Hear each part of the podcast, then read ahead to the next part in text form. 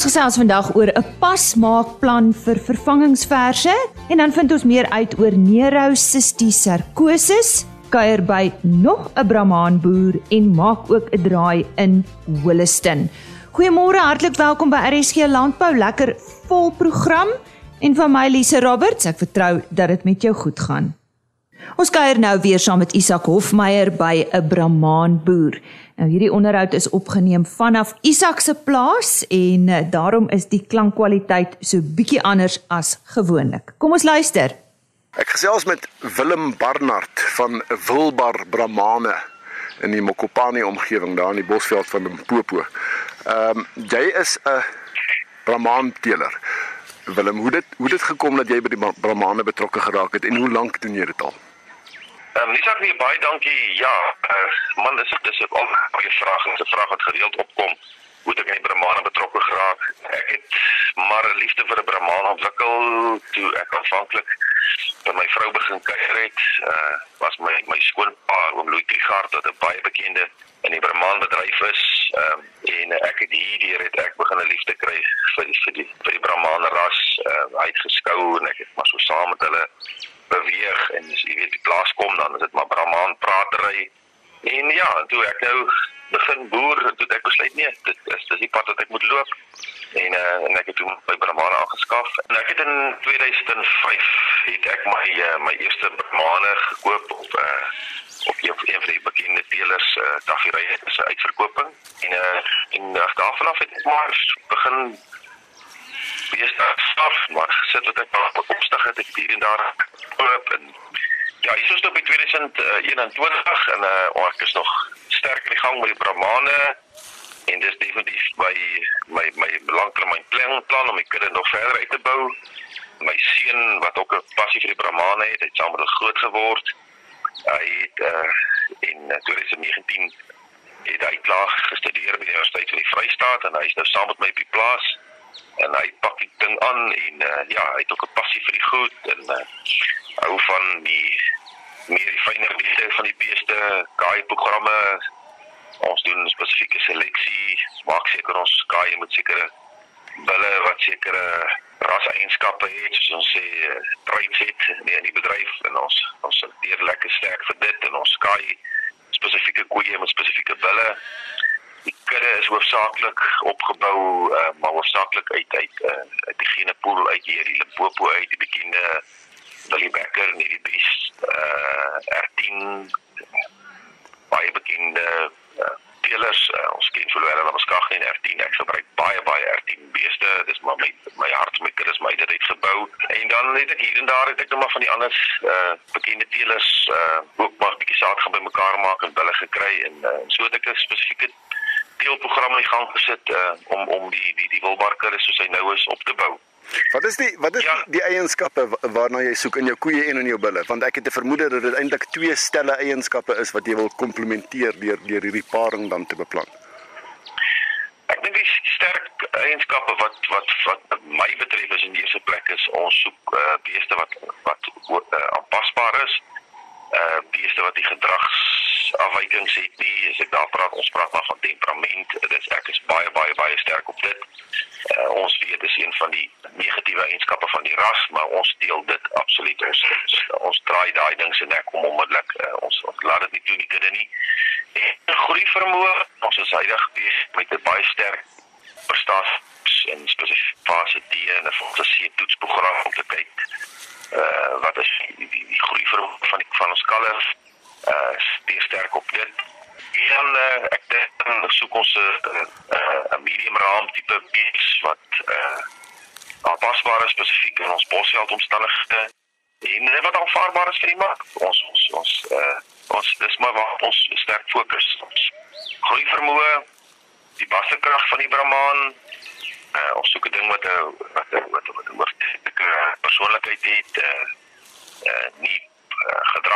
gedragsafwykings het nie wat ons plaas wil nie agtergoed aan hardloop nie. En dan 'n eh, en 'n bees wat wat funksioneel doeltreffend is. Koei wat vir ons uh, 'n medium raam gee, maar wat 'n sterk kalfspeen, daai sterk kalf moet die vermoë om te kan groei uh, sodat die, die voerkraal ou ook kan geld maak op hom. En dan moet die uh, daai voerkraal kalf moet weer aanvaarbaar wees vir die vir die einddoel vir die mark die verbruiker vleissagtheid en daai goede dit so ons probeer maar die ketting reg deur vat tot by eindverbruiker Jy verwys nou nou na die na die basterkrag vermoë van die Brahman. Die Brahman is eintlik 'n baie besonderse ras. As mens kyk na hoe sterk hy verteenwoordig word oor die hele wêreld. Jy kan maar jy kan maar kyk na na sintetiese rasse. Jy kan maar kyk na kruissteelprogramme veral in ekstensiewe harde omstandighede. Die Brahman is betrokke. Ons ons weet dit almal. Dit is net een van die sterkste eienskappe van die ras. Is is, is sy vermoë om eintlik op enige ander ras binne 'n kruisdeelprogram te kan presteer. Uh die Brahman meeste van tyd verbeter die Brahman enige uh ras wat jy wat jy hom opgebruik. En uh dit dit is ook kom ons opwek graag met die Brahman teel sodat dit as iemand uh enige ander tipe besigheid Europese ras en, en selfs van die Afrika rasse het en 'n uh, en hy soek 'n bil om bietjie seker in te klere. Dan is die Brahman die die ras vir vir ehm uh, vir daai uh, proses en daai program. Brahman is die koning in kruisdele. Isak Hofmeyer wat daar met Willem Barnard gesels het. Hy is van Wilbar Brahmane. En nou kuier ons saam met Koos Dupisani op Holliston. Simik bied elke jaar verskeie slaglam en slagos kompetisies aan. En die wenners van die slaglam kompetisie vir die 2020 en 2021 boekjaar is op Holliston aangekondig. Daar is ook 'n alfa slagkompetisie aangebied en die Willison boere het behoorlik koning gekry. Rudy van der Westhuizen, die uitvoerende hoof van Samick, het by geleentheid ook gesê dit is vir hom ondenkbaar dat die boere wat so hard moet stry teen droogte sulke pragtige karkasse kan produseer. Ek gesels vandag met Kutsie Reitz, die bestuurder van Willison Vleiskoöperasie, oor die prestasies van die boere. Kutsie, baie geluk met Willison se uitstekende toekenninge tydens die Samick prysuitdeling. Wie was die pryswenners uit julle geleedere? Koos, ja, dis vir al die opkomende boere van Holliston wat besonder goed gedoen het in die in die karkas kompetisie wat die opkomende lam en bok afdelings betref, het Holliston skoonskap gemaak. Ons het die kampioen karkas wat behoort aan Emily Kok met 'n 97.76%. Die groep was Koos van Wyksinne met 'n 92.9%. Die bokke was die enkel bok was Willem Bekes en die groep was ook Koos van Wyk en dan verder by die kommersiële kant het ons die reserve karkas dan ook uit Holliston uit gekom met 'n 98.28%. Ons uh, het ook in dieselfde dag die uh, deelgeneem aan die Alpha Interras kompetisie en uh, daar het ons 'n uitstekende skou gehad, die kommersiële skou het 'n 86% punt gekry wat ek dink uitstekend was, regtig waar min lammers wat afgerade was, goeie bouvorm skaap geslag en die wen karkas daar het behoort aan die wit Hodson met 'n 97,86% en die groep karkasse aan Frans Lou 95,71%.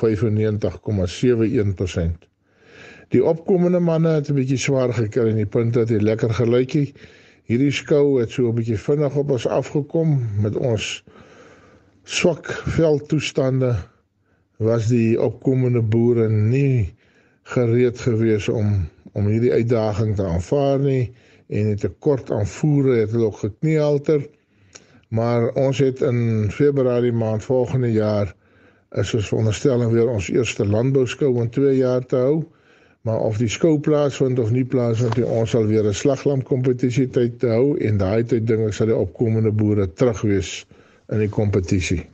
Julle het deur 'n baie moeilike tyd gegaan wat die droogte betref en daar is steeds gebiede wat waar dit swaar gaan. Uh, maar wat is die rede dat julle so goed presteer ten spyte van al julle teenslae?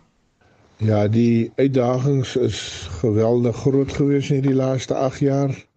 Om vir 8 jaar elke jaar onder die gemiddelde reënval vir die gebied te kry langtermyn gemiddeld het die dinge moeilik gemaak en daar moes baie kop gekrap word.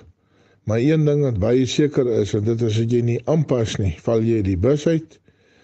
So ons moes aanpas en een van die groot aanpassings wat daar seker gedoen is was om die kuddes kleiner te maak en in so 'n situasie begin jy om die swakker diere die swakker produseerders, die swakker bouvorm eers te verkoop. Dis ook gewoonlik die diere wat in die moeilike tye eers swaar kry So ons het op die eind nou klein kuddes oor, maar ek is oortuig dat dit die beste van die beste is wat oor is. Verder kom Williston uit die vroeë jare al met baie goeie dorperskaap kuddeboere hierso met goeie voorligting en hulp van daar in die beginjare Frans van Tron het Williston werklik 'n goeie kudde dorpers hier en het ons ons slagpale baie goeie karkasse gelewer in die mark. En hierdie onderbou wat ons het, dink ek maak dit dat ons vandag nog kan staan en nou met die voersak by kan ons die lam presies voer soos hy moet wees in die mark. Die grootste probleem is dat die lammers baie min is en die tweede grootste probleem is dat die voer maar duur is en dit kos baie om die lam so op 'n standaard te kry. So die netto resultaat in die boer se sak is maar klein teenoor die jare wat hy van die natuurlike veld af kan bemark. Sê julle bied ook op 25 Augustus julle jaarlikse jong ooi veiling aan? Hoeveel diere gaan onder die hamer kom en wat kan die kopers verwag? Dit is vir jaar die 16de jaar wat ons die veiling aanbied op Wolliston. Dit is ook die 15de jaar wat Andre Skrigel met sy witdorpers ons gasverkoper is saam met ons en David Hodson is die dorper gasverkoper seker nou vir die 6de jaar. Hierdie veiling het ontstaan noodsaaklik 16 jaar terug in in 'n poging om maar mekaar te help om beter diere te bekom, bekostigbaar te bekom. Die droogte het ons mos nou in alle hoeke en in gate ingedruk en moes ons aanpas want ons Holliston boere kan nie meer koop nie. Ons wil net verkoop, ons wil net minder maak. So ons soek toe nou buitekopers en toe het ons 2 jaar terug met BKB ooreengekom en hulle kom hou vir ons die veiling en hulle help vir ons met buitekopers met hulle wat hulle van weet en kan hiernatoe bring. Ons veiling het vir jaar werklik goeie diere op. Ons uh, gaan aanbied 320 dorper oeye met 20 dorpe ramme. Ons het 200 wit dorpe oeye met 38 wit dorpe ramme. En dan Holliston weet ek is bekend vir sy dorpers, maar iets wat ook baie na in die kwaliteit van die dorper is, is die melkbokke in Holliston en omgewing. Ons gaan vir jaar 61 melkbok oeye aanbied. Klaar in die in die melk of baie groot dragtig Ons het vir jaar vir die eerste keer in die geskiedenis Kalahari Red oetjies op die veiling 21 van hulle. En dan nog 'n eerste wat ons vir jaar het is 'n koggelramme. Dit raak nou 'n noodsaaklikheid by hierdie presisieboerderye en ons het 20 Afrikaners koggelrampies op die veiling. Ons het ook 'n paar meatmasters, so 100 meatmaster oetjies, 75 kruisras oeye en ag meatmaster ramme. In totaal saam met die bokke en die skaap gaan ons so amper 1100 skaap aanbied in bok te verkoop op daai dag. Die veiling vind plaas Woensdag 25 Augustus om 11:00 die oggend by Willison Vleiskoöperasie se voerkraal so 10 km uit Willison op die Sutherland pad. U is almal welkom om te kom inloer en te kom kyk hoe lyk mooi skaap. Dit is Kutse Ryds van Holliston Vleiskoöperasie wat so lekker gesels oor die suksese van die Holliston boere. Ek is Koos de Pisani vir RSC Landbou. Ons verwelkom graag vandag vir Dr. Dani Orendal in die ateljee. Hy het natuurlik geen bekendstelling nodig nie en ons praat vandag of ons fokus vandag op vervangingsverse en 'n plan vir vervangingsverse, maar dit is 'n pasgemaakte plan spesifiek vir verse. Dani, dis omvattend meer as net inenting, is ek reg? Ja, ja, ons gaan baie spesifiek fokus op die inenting. Uh want dit is die basis van ons opbou van kudde immuniteit. Begin ons by die verse, maar die verse se program is regtig baie meer omvattend. Ons het baie voorheen gepraat oor die koeie en die bulle, die volwasse koeie se program. Dit is 'n 12 maande siklus Die groot verskil met die verse is hulle program strek oor 3 jaar. So dit is 'n plan wat nie net vir 1 jaar uitgewerk word nie. Hy strek oor 3 jaar vanaf die vers gespeen word. Daar's op 8 maande. Daai eerste jaar wat ons na haar kyk en sorg dat sy groei. Die heel belangrikste ding sy moet groei en sy moet sekere teikens bereik. Ons het 'n baie spesifieke grafiek om te sê hoorie dit is die groei uh, uh gewig toename per dag wat hulle moet bereik. En dan die volgende jaar moet ons haar voorberei vir haar eerste keer wat sy by die bal kom. So daar's 'n klomp goed wat daar moet gedoen word. Kom sy by die bal, so die dragtigheidsondersoeke en dan daai dragtige vers wanneer sy vir die eerste keer kalf, is dit die grootste kritiese beheerpunt in haar hele leeftyd. Daai eerste kalwing. Uh dis dis waar baie verliese kan plaasvind. En dan binne in hierdie 3 jaar program gaan die vers vir die tweede keer bil toe mm. en as hy dan dragtig is dan beskou ons haar as 'n volwasse koei. Mm. So daar's 'n ongelooflike klomp goed ons gaan vandag soek sê praat oor die inenting maar dit gaan oor eerstens die bestuur van die groei van daai kalvers uh, gemeet teenoor 'n grafiek daar moet 'n minimum teel gewig wees aan die begin van die eerste teelseisoen. Uh wanneer ons die verse vir die eerste keer teel, is dit 'n baie streng seleksie van daai verse. Wat ons doen is ons utilitêre verse vir 'n baie kort periode. So net die verse wat hoogs vrugbaar is, gaan dan dragtig raak en dis die groep waaruit ons gaan selekteer. So is 'n seleksieproses, is 'n bestuur van groei en dan die groot geleentheid om hulle immuniteit op te bou vir die res van hulle lewe wanneer hulle volwasse koeie is. Nou goed, kom ons uh, fokus nou op die inenting. Hier's natuurlik baie siektes ter sprake. Ja, weet In veeartseny is ons so gewoond aan inenting. Uh, ons doen enige iets tussen 5 en 10 inentings elke jaar op die diere. Want ons het baie dodelike siektes. Uh en baie mense verstaan nie as ons dit kan afbreek in die spesifieke kategorieë waarvoor ons inent. Onthou ons begin nou by die vers, ons bou nou 'n basis immuniteit. Eerste kyk ons na die siektes, die dodelike bakteriese siektes. So daai siektes kan glad nie voorkom word of behandel word in tyd nie. Die hmm. enigste ding wat ons daar kan doen. Daai siekte is so vinnig, 24 tot 48 uur, dan is die dier dood. Dis al ons klostridiale siektes. So sponsiekte, ons laamsiektes. Hmm. Daai uh siektes kan net deur inenting voorkom word en dis een deel van my program vir die verse. Hulle word twee keer ten minste twee keer met die breë spektrum Clostridium enstof gespuit voordat hulle volwasse diere is.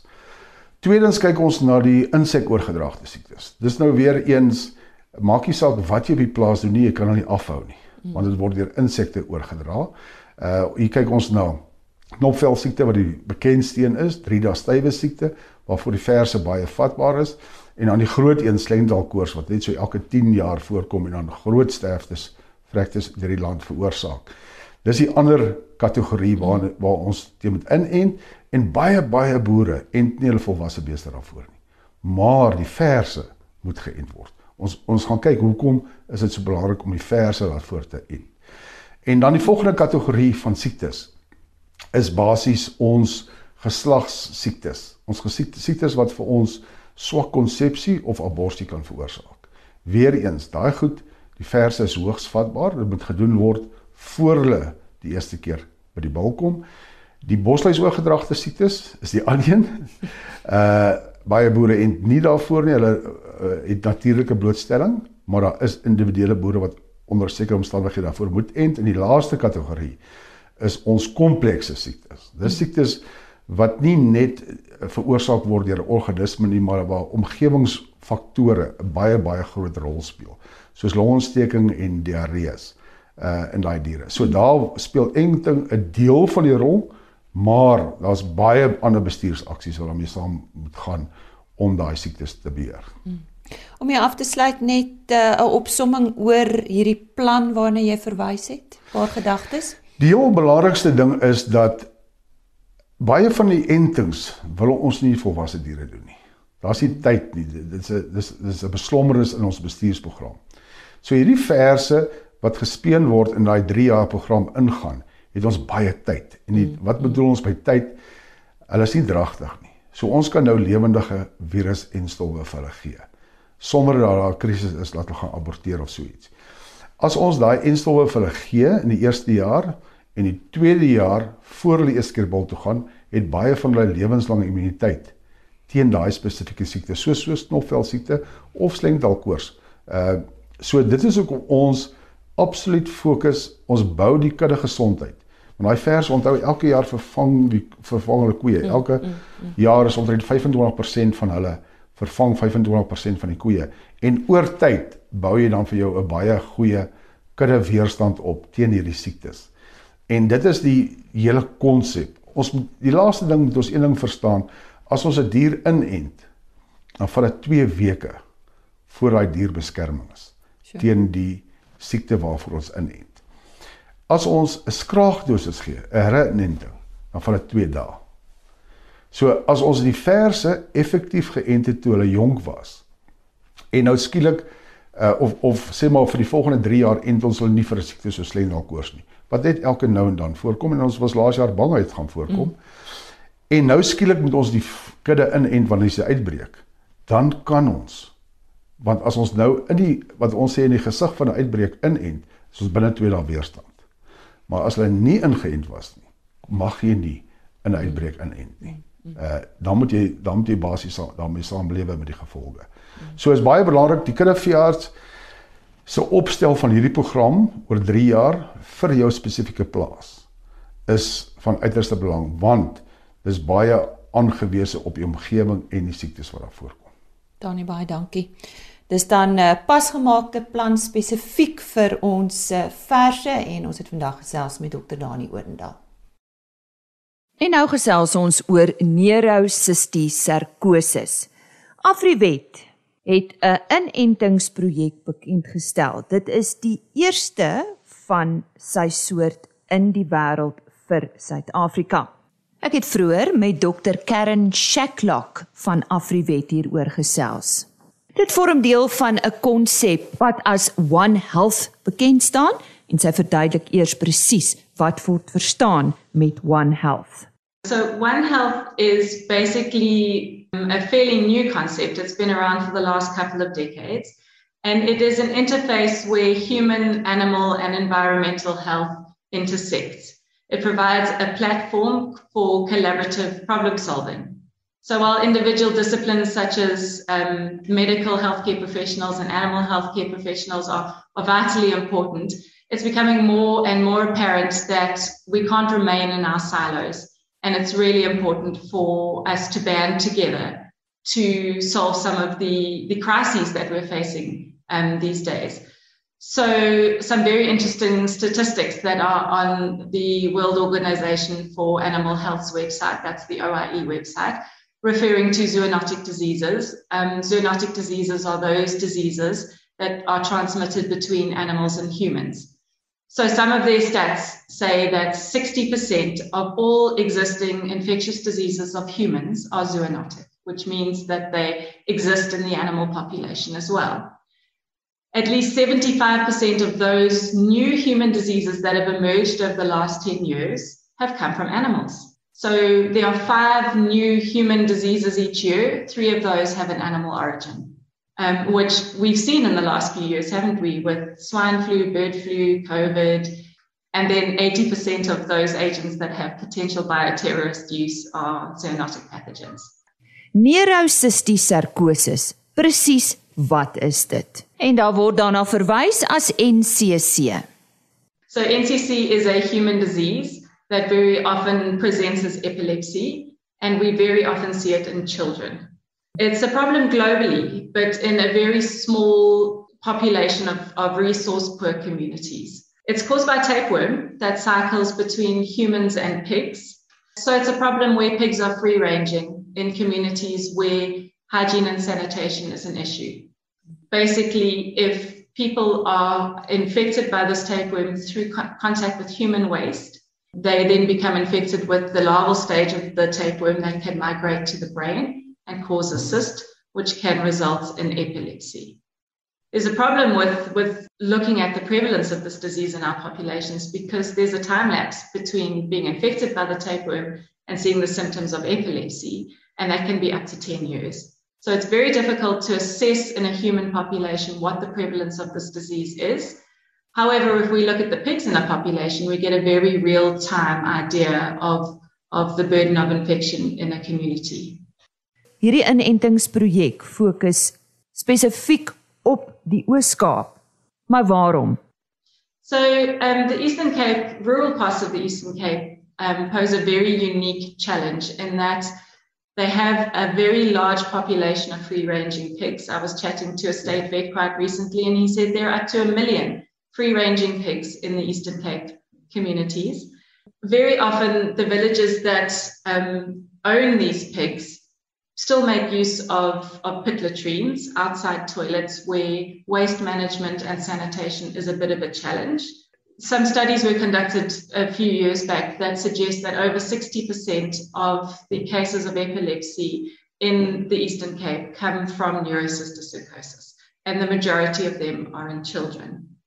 So AfriVet has rallied a, a One Health committee. We have healthcare professionals, including neurologists and pediatricians, on this committee. We've got environmental workers, we've got social development experts, state vets, uh, industry vets, and other stakeholders. And, and we've been chatting about this problem for a couple of years now. Um, we've had a number of community engagements where we've gone into villages and, and, and educated people on this disease. And the most significant step happened in, in June this year, where we rolled out a, a new vaccine. It's a world first uh, developed in, at Melbourne University and has been trialed in a small number of parts of the rest of the world. Um, and basically, we went into the Upper village of Kaiskamahook in the Eastern Cape and vaccinated 200 pigs against this tapeworm. Um, and then administered a dewormer that's been proven to kill the larval stages of the worm in the meat, which makes the pork meat safe for consumption. Um, and then the vaccine will protect the pigs from actually becoming infected by the tapeworm if they do come into contact with human waste. The pigs were all in very good health post vaccine and dosing. And um, the state vet in the area is going to continue going into the community each month to vaccinate new pigs in the community. And early next year, we will wrap up the project by going back to the village and having a look at the pigs and seeing how many pigs show evidence of the disease after our intervention. En wat kan mense doen om hulself teen hierdie siekte te beskerm of om dit te vermy? Um, Lisa, it's important to note that this is not a disease of commercially farmed pigs. So the pork meat that we buy in the shops has passed inspection um, and it's safe for consumption. This is a very unique disease um, of very specific communities that have free ranging pigs in close contact with humans.